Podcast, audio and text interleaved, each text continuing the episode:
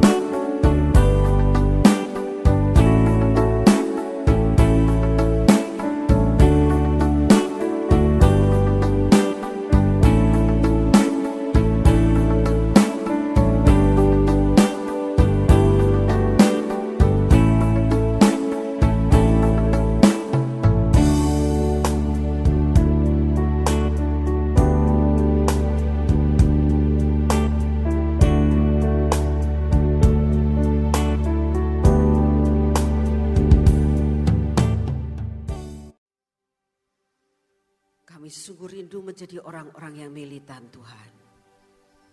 Kami sungguh datang ke tempat ini bukan saja kami ini mengharapkan pertolonganmu.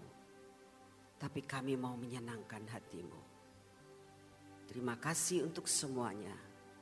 Dalam nama Tuhan Yesus kita katakan sama-sama. Amin. Saudara, akhir zaman ini banyak sekali orang ini lalu mulai undur dari Tuhan. Ya. Beberapa waktu yang lalu banyak sekali orang yang mengatakan seperti ini kepada saya. kalau ikut Tuhan itu saya itu bisa merasakan banyak ruginya. Gak boleh ini, gak boleh itu. Lalu ada yang mengatakan begini, ikut Tuhan itu benar-benar tidak sih ada jaminan kita masuk surga? Saudara, iblis selalu menawarkan sesuatu. Iblis selalu memberikan segala sesuatu yang membuat kita menjadi ragu-ragu. Tapi hari ini ada suatu jaminan yang luar biasa. Yaitu jaminan takut akan Tuhan. Ya. Hari ini kita belajar apa hasilnya kalau kita mau takut akan Tuhan. Kalau saudara baca di dalam Alkitab, yang namanya takut akan Tuhan itu banyak sekali ayatnya. Tapi hari ini kita hanya ambil tujuh poin tentang takut akan Tuhan. Dan ini rahasia yang luar biasa. Saya merasakan pada saat saya saya Tuhan ngomong begini, nak kamu belajar hari ini. Rahasianya takut akan Tuhan. Lalu itu kamu koreksi dalam hidupmu. Apa yang sudah kamu dapat, apa yang belum kamu dapat. Apa yang sudah kamu alami dan apa yang belum kamu alami. Lalu kamu koreksi dalam hidupmu. Letaknya di mana kamu bisa dapat, letaknya di mana kamu bisa belum dapat. Saudara, saat Tuhan mengatakan begitu, mulai saya duduk di bawah kaki Tuhan, saya mulai bertanya Tuhan, ajari aku. Dan biar itu merupakan cermin buat diriku. Dan aku ingin sampaikan kepada anak-anak ini. Supaya jemaat tahu apa yang dinamakan rahasia tentang takut akan Tuhan. Saudara. Kita akan baca sama-sama di dalam Amsal Soleman 22 ayat yang keempat. Ya. Firman Tuhan mengatakan begini. Amsal 22 ayat yang keempat. Ganjaran kerendahan hati dan takut akan Tuhan adalah kekayaan, kehormatan, dan kehidupan. Saudara tahu arti ganjaran? Ganjaran itu upah sebetulnya. Ya. Ganjaran itu akibat daripada sesuatu. Misalnya begini, saudara ter- melakukan sesuatu yang tidak benar, ganjarannya mungkin dipukuli orang. Nah ini ganjaran namanya. Hasil atau dikatakan upah. Ganjaran itu kalau ganjaran itu hampir sepertinya sesuatu hal yang jelek. Karena ganjaranku dipukul, diapain. Tapi sebenarnya ya, kalau saudara melihat yang namanya ganjaran itu sebetulnya upah, saudara. Ya. Upah daripada kerendahan hati dan takut akan Tuhan itu adalah kekayaan, kehormatan, dan kehidupan. Saya mau tanya, siapa yang mau? Nah, ya kalau dapat ganjaran enak ya. Nah, sekarang gini. Kan itu ganjaran upahnya ya. Upahnya hasil daripada kerendahan hati ya. Sebenarnya kalau orang takut akan Tuhan itu pasti rendah hati. Amin. Ya. Tapi orang yang rendah hati belum tentu takut akan Tuhan. Tapi kalau orang yang takut akan Tuhan itu pasti rendah hati. Saudara, saya baca di dalam The Message itu lebih jelas dan lebih bagus terjemahannya. Di situ dikatakan bukan kerendahan hati tapi kelembutan. Suatu kelembutan, kelemah lembutan. Jadi eh, kalau saya terjemahkan dengan keberadaan saya dan keterbatasan saya sebagai orang yang tidak begitu bahasa Inggrisnya pinter, itu gini, hasil dari kelembutan dan takut akan Tuhan adalah suatu kemurahan yang luar biasa, ya, dan kehormatan dan kehidupan yang memuaskan. Bukan hanya sekedar kehidupan, tapi kehidupan yang memuaskan. Saudara tahu kalau suatu kehidupan yang memuaskan itu gimana? Enak tidak sih kalau hidup kamu tuh puas segala-galanya? Hmm? Makan puas, kerja puas, tidur puas, sekolah puas, semua puas. Enak gak? Nah, dalam terjemahan bahasa Inggris The Message itu lebih jelas. Dikatakan bahwa hasilnya, hasil daripada kamu itu lemah lembut. Lemah lembut itu enggak gampang saudara. Lemah lembut itu gini. Melihat segala sesuatu yang bikin gemes. Uh, gitu tapi Tuhan beri aku lemah lembut. Itu enggak hasilnya dikatakan hasil daripada kamu ya, hidup dalam kelemah lembutan. Hidup di dalam dikatakan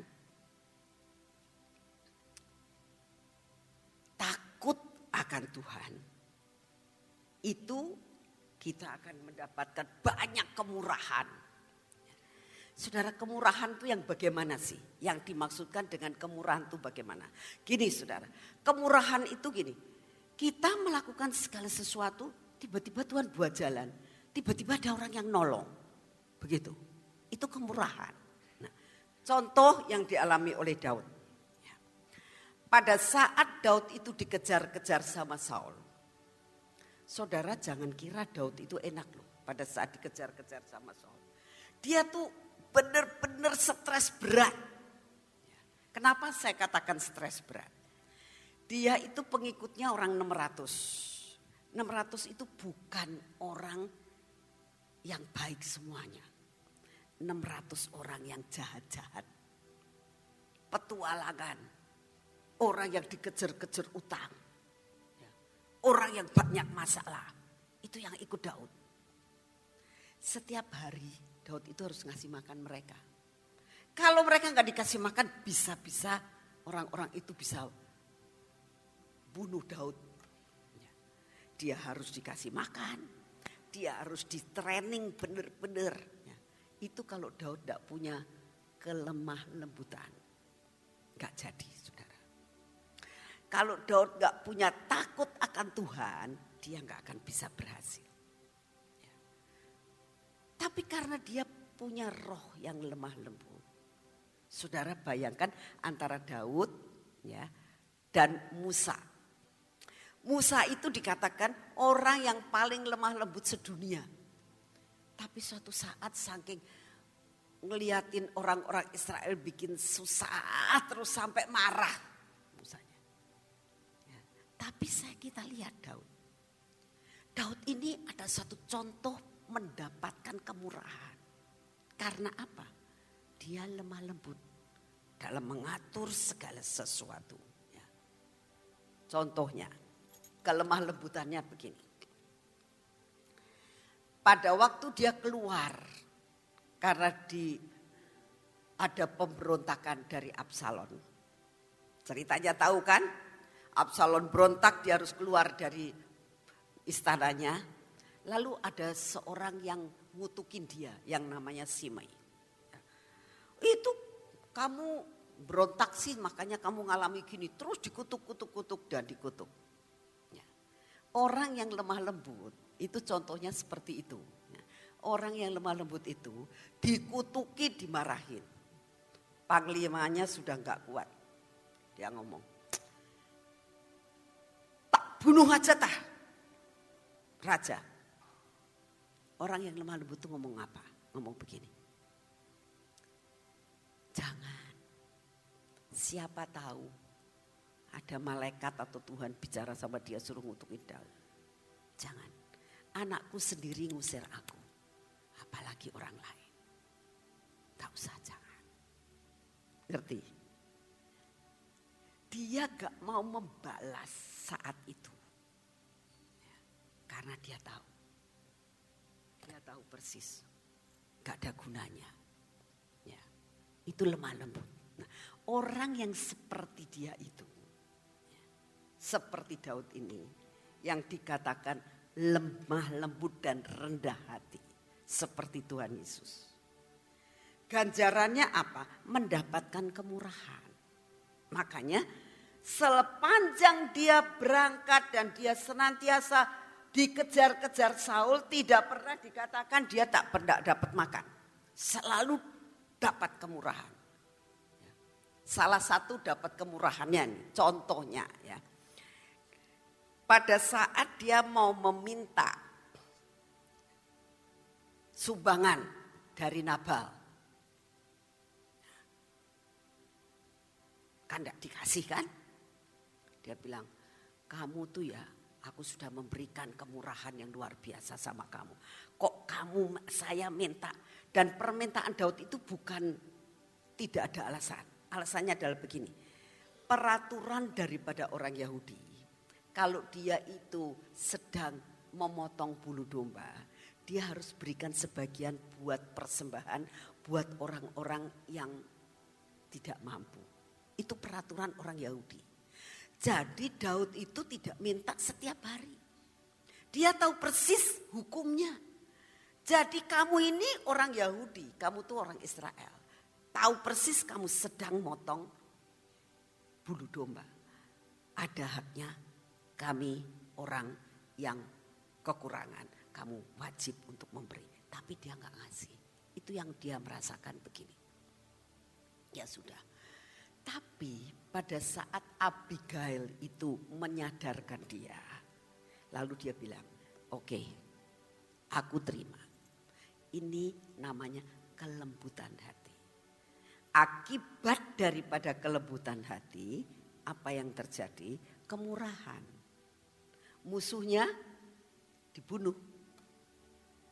Dianya dapat istrinya. Bukan hanya istrinya loh. Semua kekayaan Nabal siapa yang memiliki? Siapa yang memiliki? Siapa yang memiliki kekayaan Nabal jadinya? Hah? Daud kan? Soalnya apa? Nabal nggak punya anak. Betul nggak? Harta kekayaannya kan jatuh ke istrinya. Betul nggak? Jatuh ke siapa? Abigail. Abigail diambil sama Daud. Dompleng nggak dianya? Ngerti? Ya. Ini loh hukumnya Tuhan. Itu namanya kemurahan.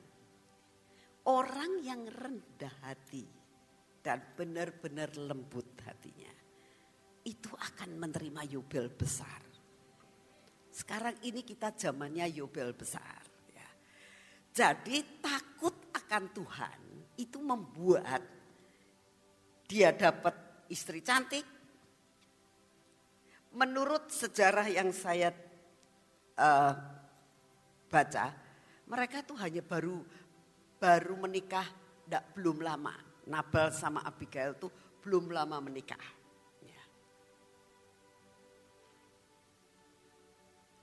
dapat istri cantik karena dikatakan Abigail itu cantik dan bijaksana. Dapat kekayaan, karyawannya banyak, ya. dia bisa ngasih makan 600 orang. Luar biasa kan? Luar biasa banget. Itu hasil upah daripada kelembutan dan takut akan Tuhan. Mendapatkan kemurahan. Nah, hari ini kita belajar supaya kita itu bisa masuk yubel besar. Yubel besar itu adalah sesuatu hal yang kemurahan. Ya. Melakukan segala sesuatu tiba-tiba terbuka, terbuka, terbuka, terbuka. Usaha tiba-tiba terbuka. Ya. Sesuatu hal yang kadang-kadang nggak memungkinkan, eh bisa terjadi. Nah itu namanya Yobel besar. Yobel besar dan itu menjadi hak saudara dan saya. Jadi kita belajar kelemah lembutan. Ganjarannya atau hasilnya adalah mendapatkan kemurahan Tuhan. Lalu kehormatan. Kehormatan tidak ada satupun di antara saudara ini yang tidak senang dihormati. Betul enggak? Jangan sombong, jangan ngomong, aku enggak mau dihormati bohong. Semua orang tuh pengen dihormati. Benar enggak? Saudara, apa arti kehormatan? Kehormatan itu adalah prioritas. Ya, kalau saudara itu di kan ada namanya kartu prioritas. Betul kan? Nah, kalau prioritas itu mendapatkan hak yang lebih. Betul? Orang lain antri, kamu tidak antri. Karena dapat prioritas, saudara. saya hari-hari ini merasakan ada sesuatu yang dinamakan kehormatan. Tiba-tiba hari ini ada salah satu bank telepon sama saya. Ibu Nani kemarin ini ulang tahun ya. Oh iya kok tahu? Ya tahu di di uh, kantor saya tahu. Saya disuruh pimpinan, seharusnya pimpinan saya itu mau ke sini, tapi pimpinan saya lagi ke Australia. Jadi saya disuruh ke sini sama sama uh, pimpinan saya. Oh ya, saya bilang saya bisanya jam satu. Saya bilang itu, nggak apa-apa bu, nanti jam satu ya jam satu. Kalau orang dapat prioritas dan mendapatkan kehormatan itu begitu.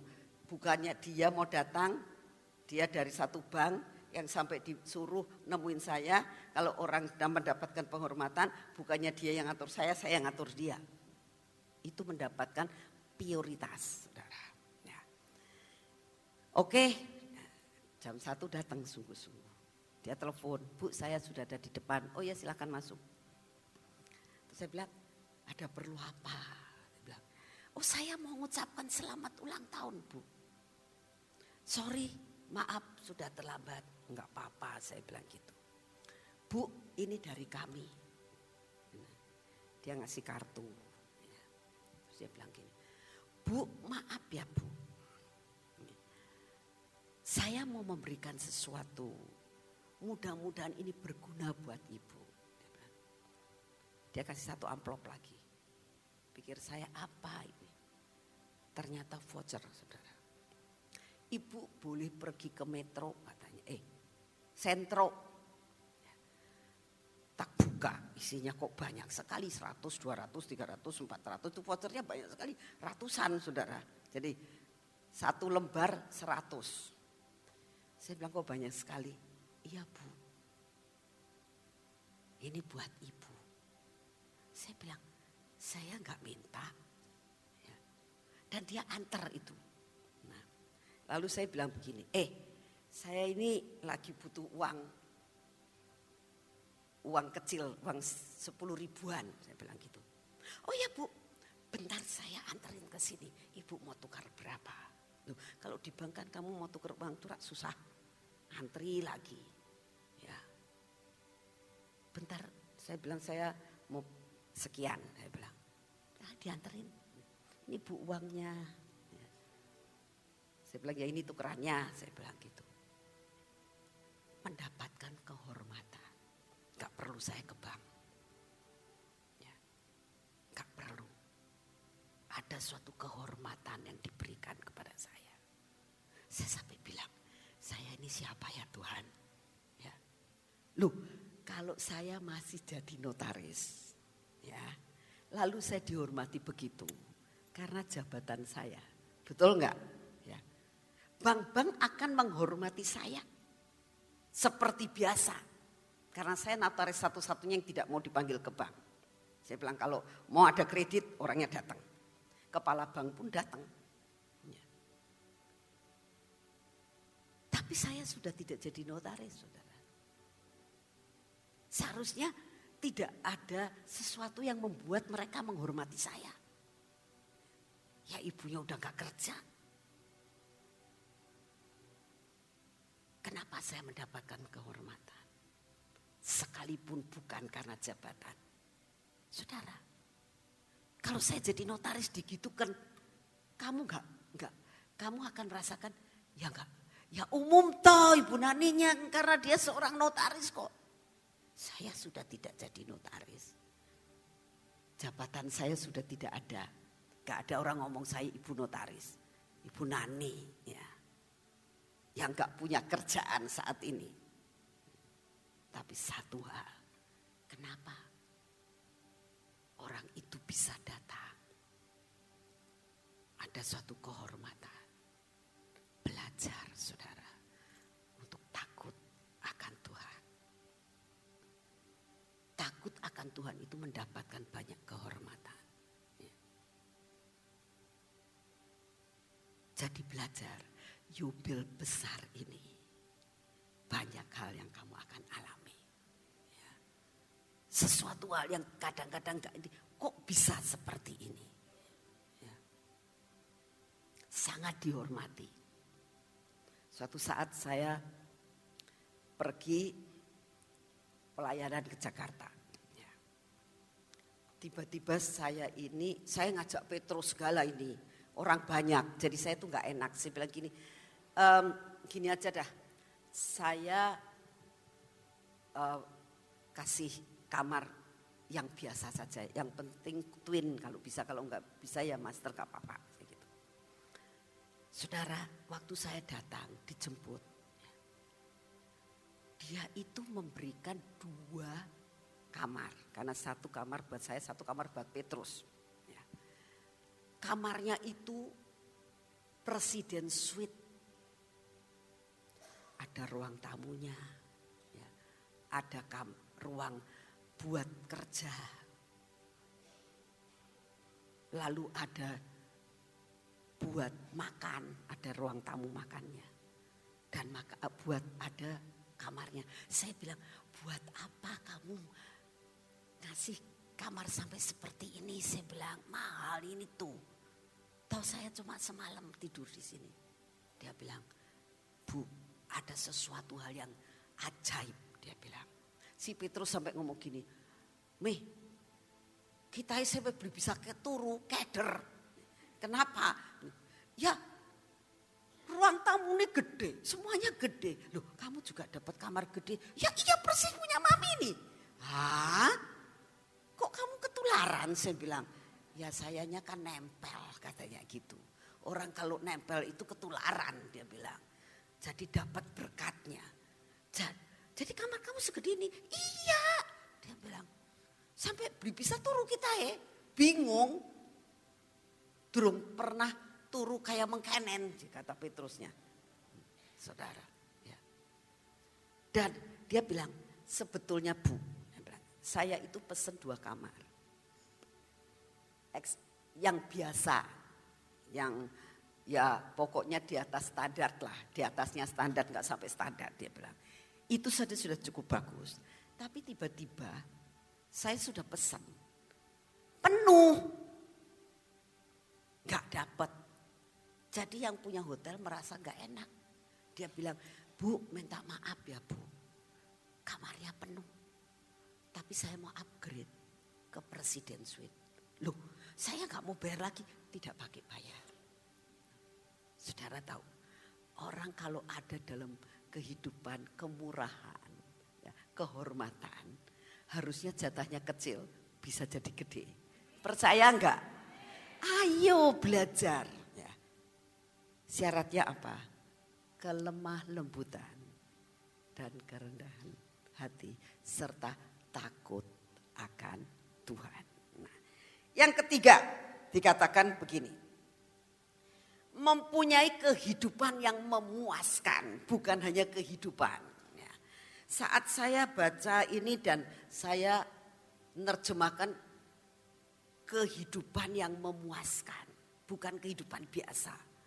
Kehidupan yang memuaskan itu gini saudara, ya, kalau namanya puas, makan sampai kenyang, kenyang, kenyang, kenyang itu loh. Jadi aduh aku puas. Seperti setiap kali saya kemarin kan pergi ke Tegal ya. orang Tegal sudah tahu kesukaan saya. Ya. Yaitu simping goreng. Itu adanya cuma di sedap. Rumah makan sedap. Rumah makannya tuh warung, saudara. Tapi makanannya enak. Dan saya paling suka simping. Sudah dihidangkan simpingnya. Ini tidak doa-doa makan. Ayo cepet makan. Saya bilang sayanya harus pulang. Oh iya iya bu. Mari kita doa. Udah makan. Saya makan sampai puas. Ya, ya. Puas sayanya.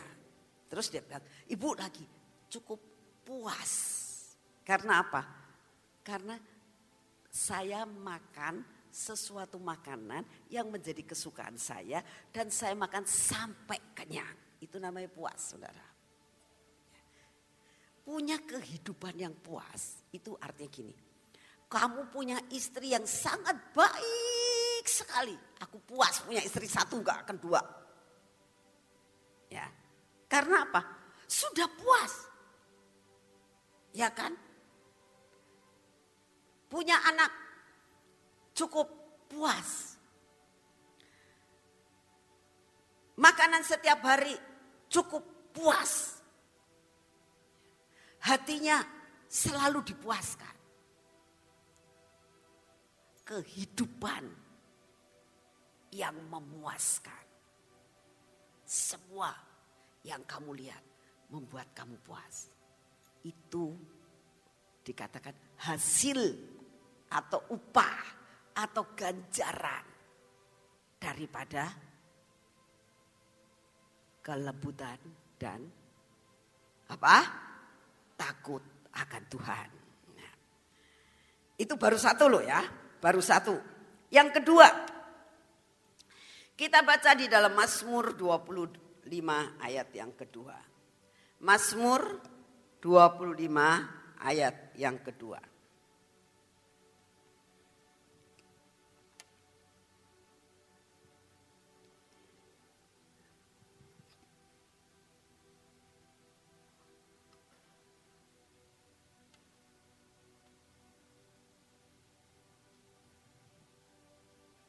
Salah ya nanti dulu. Mazmur 25 ayat yang ketiga mungkin.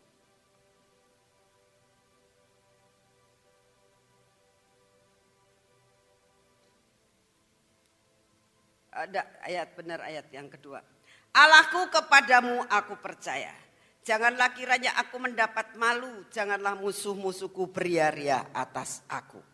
Dikatakan begini, kalau orang yang takut akan Tuhan, Tuhan tidak akan mempermalukan saudara dan saya. Amin. Tidak akan mempermalukan. Nah, yang ketiga, Mazmur 111 ayat 10.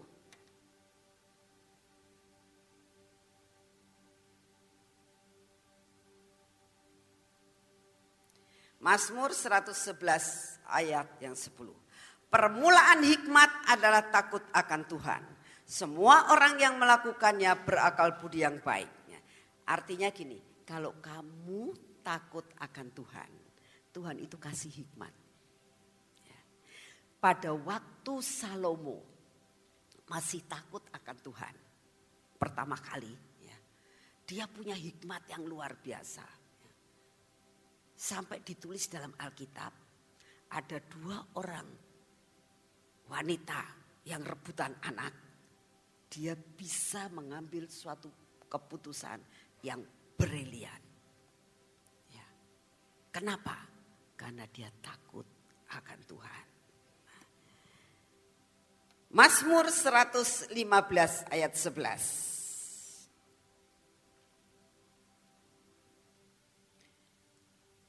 Tuhan katakan begini. Orang yang takut akan Tuhan, percayalah kepada Tuhan. Dialah pertolongan mereka dan perisai mereka. Artinya gini, kalau kamu takut akan Tuhan, Tuhan itu jadi tameng kamu. Tahu tameng ya? Perisai itu tameng. Ke mana pun kamu pergi, dia itu yang akan maju di depan. musuh apa pun yang melancarkan semua uh, dapat dikatakan semua pedang, semua senjata apa pun yang dilancarkan kepadamu tidak akan kena kita. Karena apa? Kena kepada perisai kita. Karena dialah yang melindungi kita.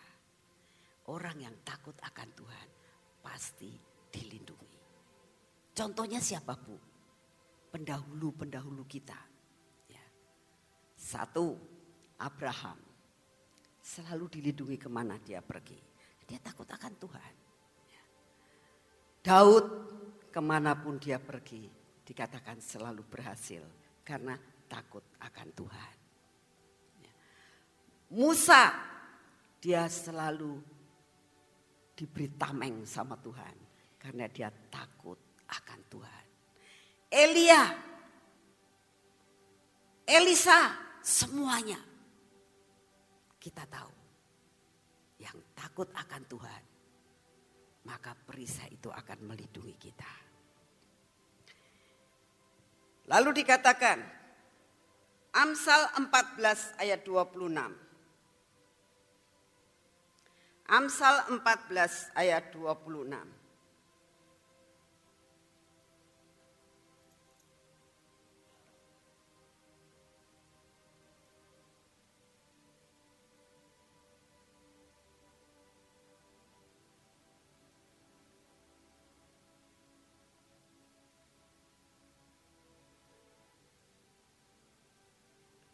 Dalam takut akan Tuhan, ada ketentraman yang besar. Bahkan ada perlindungan bagi anak-anaknya. Ada apa dikatakan? Ada apa? Ketentraman besar. Sebenarnya siapa apa yang dirindukan antara saudara dan saya Kalau hidup tentram benar, benar nggak? Hidup tentram itu yang dirindukan. Ya. Takut akan Tuhan membuat hidupmu tentram. Anak-anakmu dilindungi, kita pun akan dilindungi. Mau kan? Nah, teruskan. Amsal 14 ayat 27.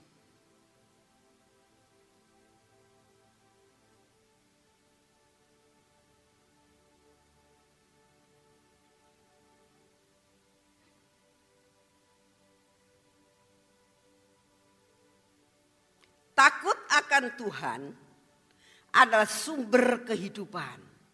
Sehingga orang terjerat dari jerat maut. Saudara. Dikatakan kita akan ter, terhindar dari jerat maut jikalau saudara dan saya menjadi orang yang takut akan Tuhan. Sudah ya, itu lihat semuanya ya. Nah sekarang kita belajar. Bu, takut akan Tuhan itu yang gimana? Mau belajar? Mau belajar? Contohnya sudah banyak. Kamu akan mendapatkan ganjaran-ganjaran seperti itu. Terus takut akan Tuhan itu yang bagaimana? Ya. Perhatikan baik-baik. Ini Tuhan ngomong sama saya. Saya bilang Tuhan, definisi yang paling pas di hatimu itu takut akan Tuhan itu yang bagaimana? Supaya semua apa yang kau janjikan menjadi milik kami dalam yubel besar ini. Syaratnya cukup berat. Ya, Tuhan ngomong gini. Kalau kamu ya, standarnya ya, takut akan Tuhan, standarnya itu ya, mengasihi Tuhan minimal 75% dari hidupmu. 25% buat hidupmu sendiri. 75% buat Tuhan. Mengasihi Tuhan 75%. Nah sekarang kamu selidiki. Tuhan saya ini sudah mengasihi engkau berapa persen dalam pengikutanmu sekarang ini sampai dengan detik sekarang ini. Mengasihi Tuhan sudah berapa persen? Kalau masih 40 persen, kamu gak akan dapat itu semuanya. Tidak dapat ganjaran, kemurahan, kehormatan, dan kehidupan yang puas. Kalau kamu cuma 40 persen, 50 persen saja belum dapat. Tapi kalau kamu mau, Tuhan katakan, harus minimal 75 persen. Ya. Saudara, gak mungkin kamu mengatakan, Tuhan aku mengasihi engkau 100 persen. Tidak bisa. Gak bisa. Orang yang mempunyai level yang tinggi sekalipun, gak bisa mengasihi Tuhan sampai dikatakan 100 persen. Yang bisa mengasihi Bapak 100 persen itu cuma satu, Yesus Kristus Tuhan. Gak ada. Yang lain tidak ada. Gak ada, saudara. Nah sekarang kalau kamu nanya, kalau yang dinamakan mengasihi Tuhan minimal 75 persen, itu apa yang harus dilakukan? Kalau saudara merasakan begini, aku ini mengasihi Tuhan cuma 40 persen. Jangan takut saudara. Jangan merasakan, bisa enggak aku mencapai 75? Bisa. Percaya? Bisa kamu mencapai 75. Bahkan mungkin 80 juga bisa. Asal ini yang kamu lakukan. Ya. Apa yang harus dilakukan? Kita baca di dalam Filipi pasal yang ketiga.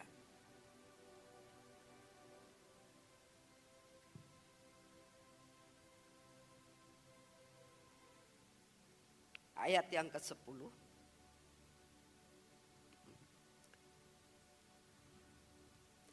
Kita belajar dari apa yang dialami oleh uh, Rasul Paulus. Ya. Yang pertama, kalau kamu mau mencapai 75 persen, yang pertama adalah mempunyai kerinduan untuk mengenal Dia. Mempunyai kerinduan dalam hati ini untuk kenal Dia. Bagaimana caranya mengenal Dia, Bu? Ya baca firmannya. Gak bisa kamu ngomong kenal sama seseorang tapi gak mau deket, gak mau baca firman. Tuhannya gak kelihatan kok. Kamu ngomong Tuhan aku mengasihi engkau, mengasihi engkau. Enggak pernah baca firman Tuhan ngomong gombal kamu. Kalau engkau mau mempunyai mengasihi Tuhan 75 persen, mencapai 75 persen. Ya. Kalau sekarang baru 40 atau 30, gak usah khawatir. Masih ada waktu untuk mencapai destinimu. Mengenal dia dengan cara berlipat kali gandakan dalam kamu membaca firman. Terus apalagi? Baca-baca buku Kristen. Baca-baca akan pengalaman-pengalaman hamba-hamba Tuhan. Lihat kejatuhannya dan lihat apa yang dia lakukan selama dia menjadi anak Tuhan.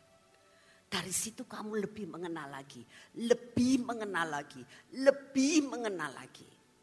Nyembah Tuhan Itulah dikatakan mengenal seperti Rasul Paulus. Lalu apa? Mengenal juga akan kuasa kebangkitannya. Apa sih kuasa kebangkitan? Mujizat. Saudara, kalau saudara hanya mengenal Tuhan, tidak pernah mengalami pengalaman dengan Tuhan dengan mujizat, kamu akan jatuh. Yang Tuhan mau adalah kamu kenal ya, Selain kamu kenal apa? Kamu tahu kamu mengalami mujizat. Minta pengalaman mujizat dengan Tuhan. Itu yang akan membawa kamu masuk di dalam mengasihi Tuhan 75% nantinya. Amin. Catat baik-baik dan lakukan saudara. Ya. Yang ketiga dikatakan bersekutu dengan penderitaannya. Kita baca ayat yang 10 Terus loncat ayat yang ke-12. Yang ku kehendaki ialah mengenal dia dan kuasa kebangkitannya dan persekutuan di dalam penderitaannya. Di mana aku menjadi serupa dengan dia dalam kematiannya. Ini benar-benar kita harus hineni. Ayat 12. Bukan seolah-olah aku telah memperoleh hal ini. Atau telah sempurna. Melainkan aku mengejarnya Mengenal dia,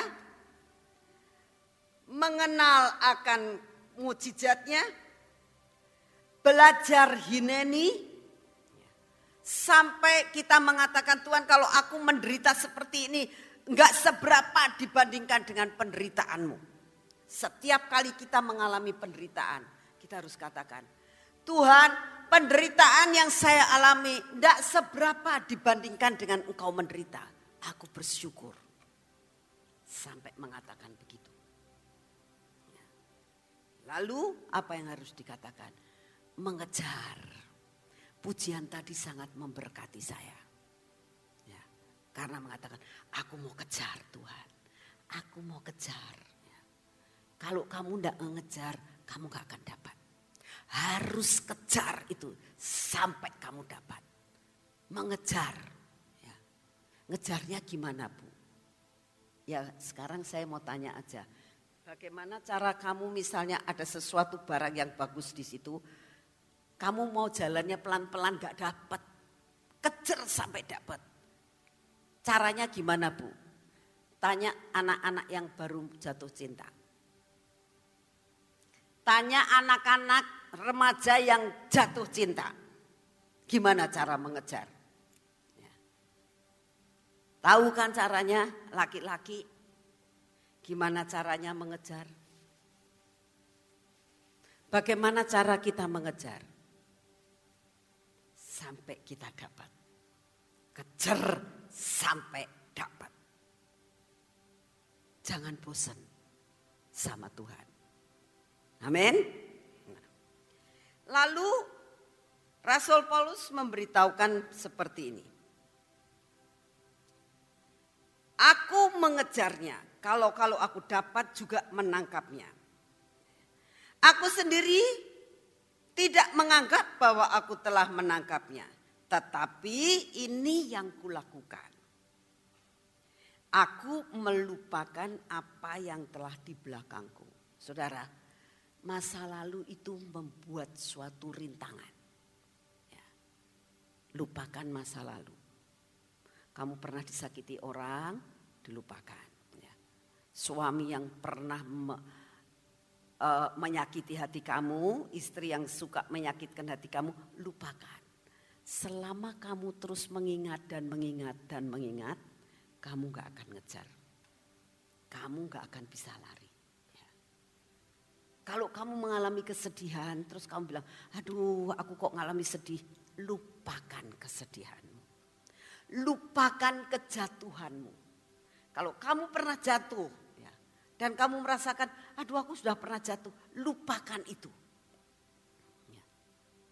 Karena kejatuhan, ya, sakit hati, itu akan membuat kamu luka.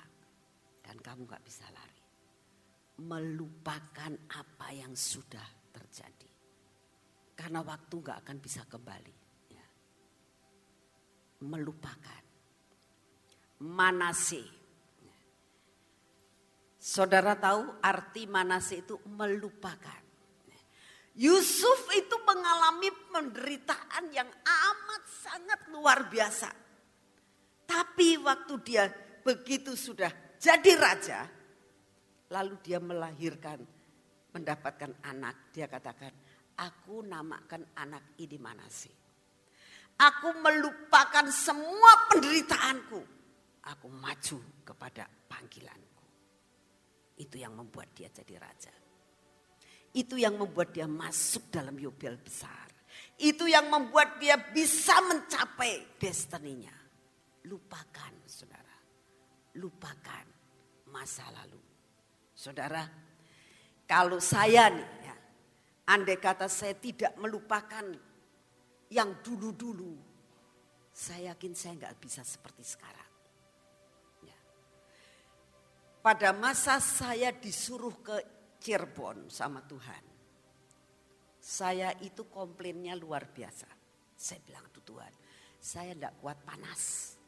Saya enggak suka yang namanya Cirebon. Apalagi orangnya aneh-aneh orang Cirebon itu. Ya. Ada penglihatan Cirebon itu batu karang yang tajam-tajam. Jadi orangnya sukanya itu nyakitin hati. Katanya orang Cirebon itu suka gosip. Kalau ngomong, ngomongin orang itu lebih panjang dari kawat telepon katanya. Saya sampai bilang, aduh saya mau ke situ tobat-tobat ya. Jadi apa nanti sayanya? Bisa jadi pepesan saya. Ya. Benar-benar dipepes sama orang Cirebon. Tapi Tuhan ngomong, nak justru itu karang-karang yang keras dan runcing-runcing itu yang harus dipapas habis. Terus ada yang ngomong lagi, Bu, orang Cirebon tuh kayak kura-kura. Kura-kura. Kalau ada masalah mingslep. Pikir-pikir ada bener loh. Begitu di sini lagi kemarin diserang, mingslep kabeh pikir-pikir anak benerin juga orang ngomong tuh ya. Itu perang itu. Roh mingslep tuh. Ngerti mingslep kan? Sebenarnya kalau kamu itu mingslep. Itu sebetulnya kamu kura-kura nih ya. Kamu lihat kura-kura kan? Kura-kura kalau ada masalah mingslep. Sebenarnya orang lihat nggak kalau itu kura-kura? Ya lihat ada rumahnya. Bener nggak? Percuma kan? Kamu mingslep tuh nggak ada gunanya. Tapi ya itu keadaan. Katanya begitu. Saya sampai aduh tantangannya berat banget ya. Batu karang yang runcing-runcing katanya. Kura-kura yang suka mingslep. Jalannya lambat. Suka gosip, waduh, suka nyakitin. Tapi Tuhan ngomong, nak kamu harus ke sini kamu harus ke, ke Cirebon. Saya bilang ya Tuhan, saya belajar untuk takut akan Tuhan. Sekalipun, sekalipun ngomel. Loh, ngomel loh. Saya ngomel. Aduh Tuhan gak tahan Tuhan, gak tahan Tuhan. Gitu. Kalau ada masalah, aduh Tuhan gak tahan Tuhan. Tapi dijalani terus upah ketaatan. Tuhan memberikan perkara yang baik. Saya bersyukur ya, ketemu dengan orang Cirebon. Saya selalu mengatakan, lah Daud saja orang petualangan, orang kakean utang, orang yang dikejar-kejar utang, ya, orang jahat-jahat, perampok, di sini anak-anakku tidak ada yang jadi perampok, Betul enggak? Ya. Enggak ada orang yang dikejar-kejar utang terus merampok, bunuh-bunuhan enggak ada. Daud saja dengan kelemah lembutan dan takut akan Tuhan bisa mengendalikan orang-orang seperti itu. Masakan Tuhan gak bisa mengendalikan kalian. Amin. Roh kura-kuranya dihancurkan jangan suka mingslep kalau ada apa-apa. Ini dadaku gitu loh. Kayak kayak orang yang semangat 45. Percaya saudara. Orang yang takut akan Tuhan. Hidupnya akan dipuaskan. Amin. Ya. Tapi yang harus dikatakan begitu. Melupakan. Ya. Melupakan. Kalau saya mikir gini. Aduh di Bandung Loh saudara saya mau kasih tahu ya. Di Bandung itu saya sudah ada pelayanan loh. Saya sudah ikut notaris yang notarisnya di sana ngomong gini. Kalau kamu nanti jadi notaris gantiin saya. Sebetulnya kan sudah enak. Ya, kerjaan ada. Ya. Di sana ada persekutuan. Lu persekutuan Windu itu dulu ya persekutuan yang di dirintis sama saya dulunya. Yang di daerah Ciliwung dulunya. Ya. Saya bikin persekutuan, Pak Yusak datang dari ceritanya begini. Tuhan buat ada persekutuan doa, saya mengumpulkan pemuda sampai saya itu bikin retret anak muda loh, saudara. Saya pinjem sekolahan ya, seluruh Jawa Tengah. Ya. Waktu itu GKMI. Yang namanya Sangkakala. Gabungan sama Pak Agung, masih zaman Pak Agung di Sangkakala. Seluruh anak Sangkakala di Jawa saya bawa ke Bandung. Bikin retret. Manggil hamba-hamba Tuhan. Loh saya belum kerja, sudah berani bikin KKR besar-besaran. Ya. Sewa gedung. Ya. Kalau retret, ya. memang kita nggak punya mobil, nggak punya apa. Semua pakai angkot. Tapi sampai 100, 200, 300 anak. Jadi sebetulnya kalau dibandingkan saya disuruh ke sini dengan adanya apa namanya itu eh, karang-karang uh, yang tajam-tajam enak di sana. Persekutuan sudah banyak. Ya. Orangnya militan-militan. Luar biasa. Semua anak sekolah, mahasiswa. Luar biasa banget militannya. Ya. Nurut, setia. Enak. Saya lulus sudah dari nampani, dapat dikatakan. Tapi Tuhan nah enggak tinggalkan itu semua. Jadi akhirnya diteruskan dengan persekutuan Gatot Subroto terus pindah ke Windu. Ya. Pak Yusak di sana, saya pindah ke sini, ya persekutuannya diteruskan. Dari di sini saya harus memulai segala sesuatu yang baru. Tapi satu perkara saya bersyukur sekali sama Tuhan. Punya anak-anak yang sangat baik seperti kalian. Amin. Beri kemuliaan buat Tuhan. Kamu bilang saya baik loh, Bu saya baik. Saudara, ya, luar biasa. Saya melupakan yang enak-enak di sana. Lari kepada tujuan dan destiny. Belajar saudara untuk melakukan akan hal itu. Ya. Mengarahkan diri kepada apa yang di hadapan kita. Ya. Jangan noleh ke belakang nanti jadi tiang garam. Kenapa istrinya Lot bisa jadi tiang garam? Karena dia ngeliat, aduh eman-eman itu ham saya masih ada di kulkas belum tak masak. Itu yang bikin dia ngiler ya. Itu loh makanan-makanan, aduh yang menjadi kesukaan saya. Terus apa lagi? Aduh kalungku ketinggalan. Itu yang membuat harta kekayaan ini suruh buru-buru sama malaikat. Bikin aku nggak bawa apa-apa nih. Jadi tiang garam. Jangan noleh ke belakang. Apa pun masa lalu kamu. Jangan noleh ke belakang. Saya menghimbau para suami-suami dan istri. Ya. Jangan mengingati sangat masa lalu. Saya tadi baru diceritain saudara. Saya bilang, Kok aneh ini ada ada cerita yang aneh zaman sekarang itu. Hati-hati saudara. Baru cerita-cerita. Ceritanya tentang apa? Reunian. Hmm, ya. Reunian itu ada baiknya, ada jeleknya. Ya. Makanya kalau reuni-reuni SD, TK, SMA, SMP, SMA itu sebayang dulu. Sungguh, saya tadi diceritain sampai ngeri ini ada nggak tahu SMP nggak tahu SMA lah.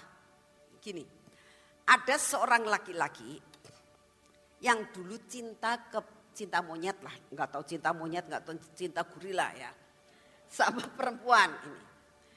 Cuman dia merasakan ini anak anaknya orang cukup kaya dan cantik si perempuan ini. Dia cinta tapi nggak berani. Dia ngomong gini, aku nggak layaklah jadi suaminya. Aku belum bisa membahagiakan dia. Kalau dibandingkan orang tuaku dengan orang tua dia, jauh. Dia kaya, orang tua saya nggak begitu mampu. Tapi aku cinta. Singkat cerita ini, si perempuannya kawin sama orang lain, dapat orang sugih si perempuannya ini. Dapat orang yang sukses usahanya. Luar biasa kan? Tapi sebenarnya perempuan ini ya ngerti kalau ditaksir sama laki-laki ini tuh ngerti. Si laki-laki ini ngelihat dianya sudah nikah, ya sudahlah dia nikah sama orang lain lagi. Pisah lama nggak ketemu nih, yang ini sukses jadinya. Dia bilang, aduh ngerti aku sukses dulu menikah sama dia ya gitu. Tapi yang sudah kadung punya anak, sudah punya istri, sudah.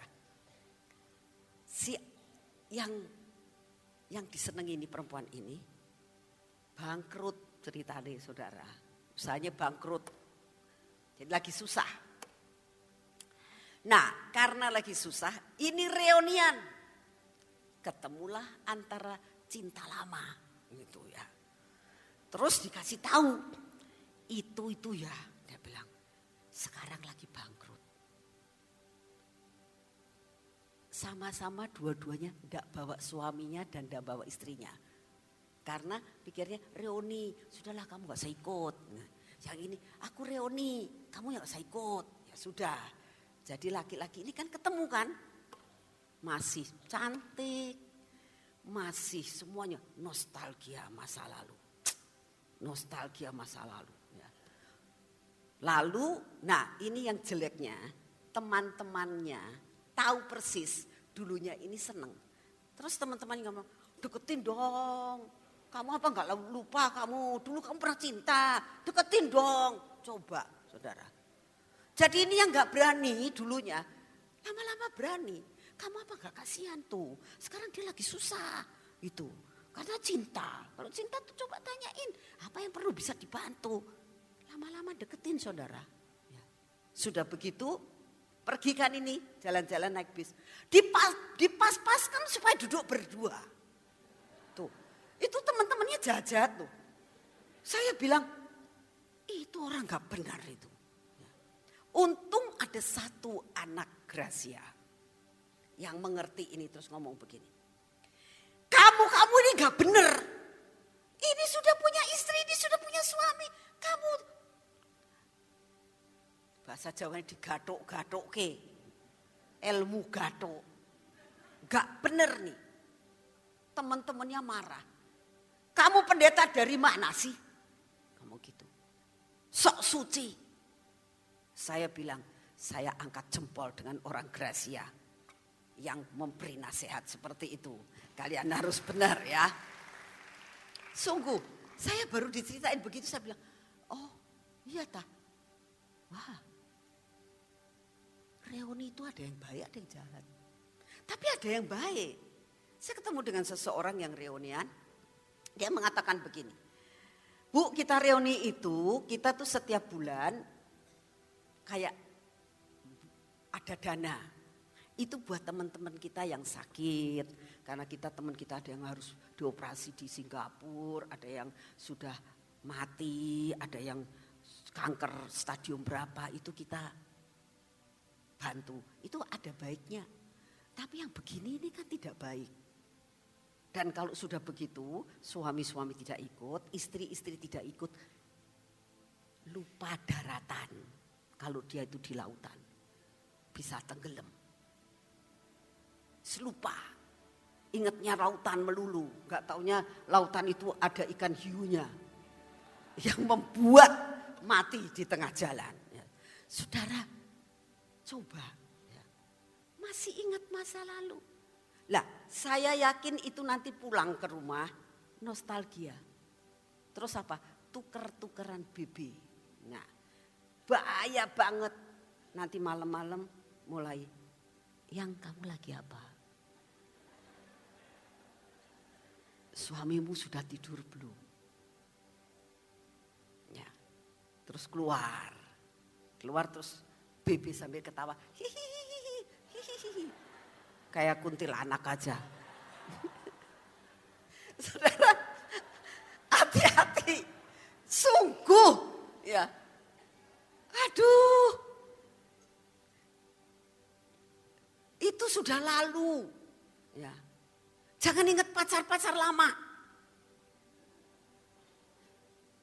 Ingat ya, jangan pengen ketemu. Itu masa lalu. Jadi tiang garam nantinya. Amin. Siapa mau jadi tiang garam? Oh, masih pada melek berarti. Ya. Biasanya siapa yang mau terus langsung angkat tangan. Ya, kalau kamu gitu berarti kamu masih eling. Ya. Ayo, jangan menoleh ke belakang, arahkan akan apa yang ada di hadapanmu. Ya.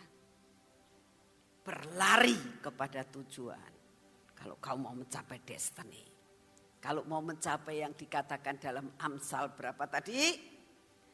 Amsal 22 ayat yang keempat. Ayo ya, siapa yang mau mempunyai kehidupan yang penuh dengan dipuaskan Tuhan. Jangan toleh ke belakang, lari kepada tujuan. Itu kalau kamu mau mencapai 75 persen. Ya. Terus syarat ketaatan. Yang kedua itu hanya hanya dua. Syaratnya yang pertama mengasihi minimal 75 persen. Yang kedua ketaatannya 100 persen. Nah, bisa kalau ketaatan 100 persen itu bisa. Ngomel-ngomel-ngomel tapi taat. Gak apa-apa. Ya. Kamu kerja, gak mau. Sadar kerja. Gak apa-apa. Ya. Saudara tahu, Musa itu dia disuruh Tuhan sembilan kali Tuhan nyuruhnya dia tidak mengalami kegagalan. Betul nggak? Kamu ngadep Firaun, ngadep Firaun. Nggak dapat berkat, malah apa? Dimarah-marahin. Gagal kan sekali. Tuhan ngomel dia. Makanya aku kan sudah bilang aku tidak mau.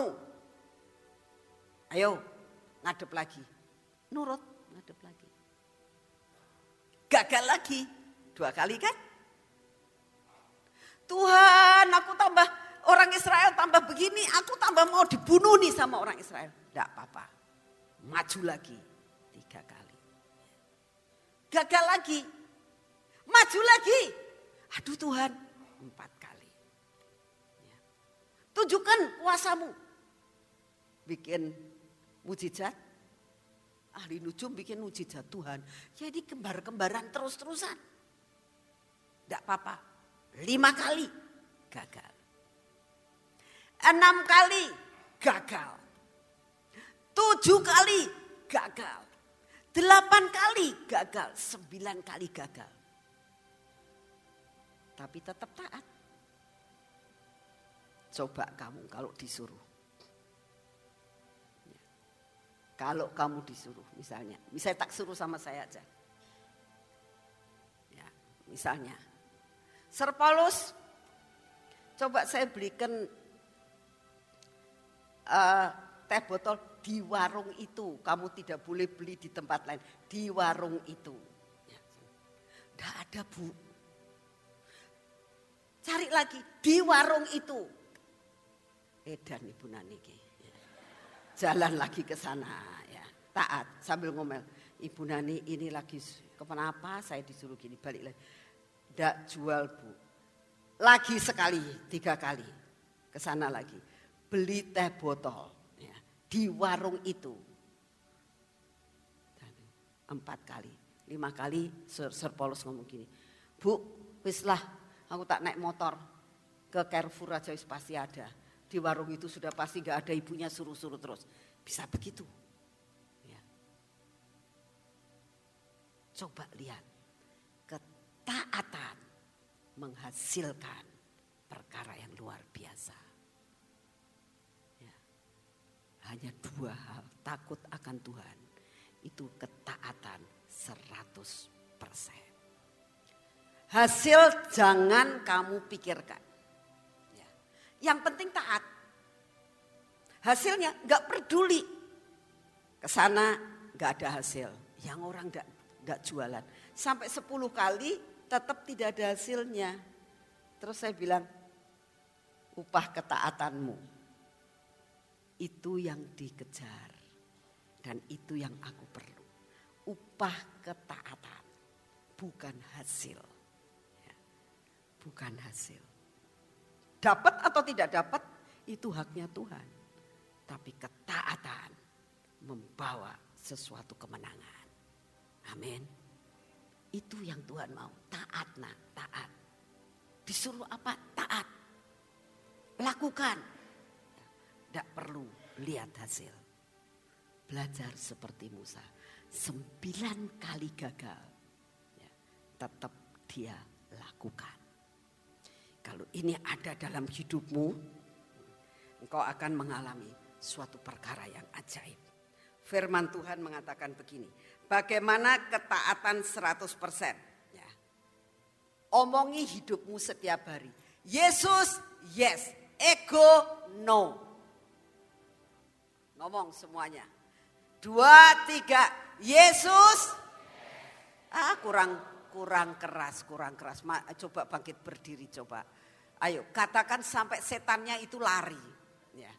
Karena kita mau masuk ke dalam ketaatan, kita akan masuk ke dalam takut akan Tuhan. Ya. Katakan yang keras, Yesus yes, ego no. Ya. Dua, tiga, Yesus. Sekali lagi. Kasih tahu sama temannya. Yesus Sekali lagi.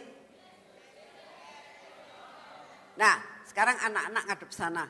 Coba ikut uh, apa? Tindakan profetiknya apa? Coba ngomong. Yesus, yes. Ya. Ego, no. Ayo coba semuanya yang yang tua-tua. Dua, tiga. Jangan hanya di mulut ya. Saya harap semua bisa mengerti apa yang menjadi rencana Tuhan atas hidup saudara dan saya. Amin. Amin. Amin. Saudara, saya sangat merindukan ya.